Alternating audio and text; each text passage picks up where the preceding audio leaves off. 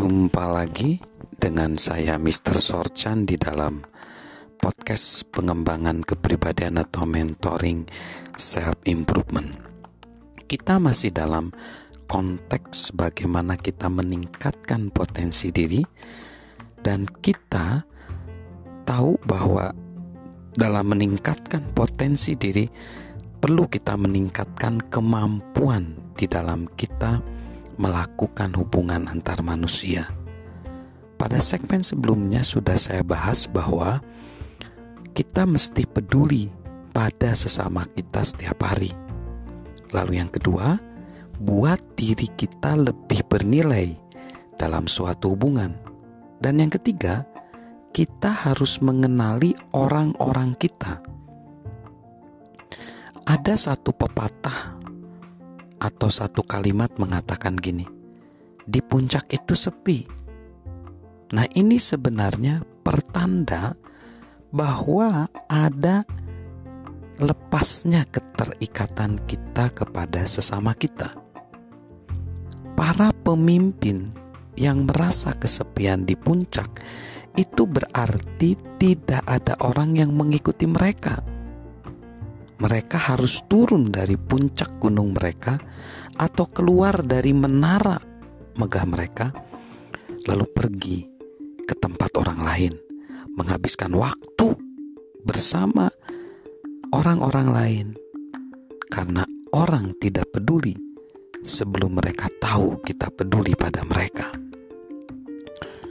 Luangkan diri kita untuk orang-orang yang hidup di sekitar kita Perhatikan cara-cara yang bisa kita lakukan untuk mendatangi mereka ketika mereka butuh. Kadang kita tidak perlu mengatakan sesuatu, kita hadir saja buat mereka, buat mereka tahu betapa bernilainya mereka bagi kita.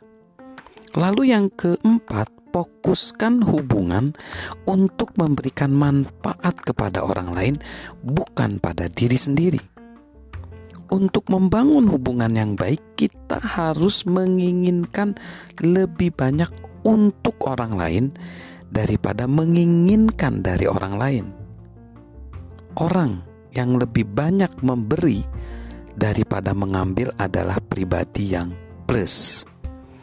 Orang yang ingin mengambil lebih banyak daripada memberi adalah pribadi minus. Ini matematik sederhana. Mari kita memutuskan diri kita menjadi pribadi yang plus bagi orang-orang terdekat. Kita bahkan ingin menjadi pribadi yang plus plus. Kita ingin membuat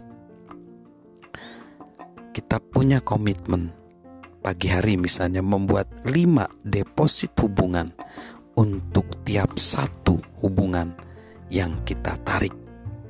Jadi kita harus punya target. Kita tidak pernah seharusnya meremehkan hubungan apa pun.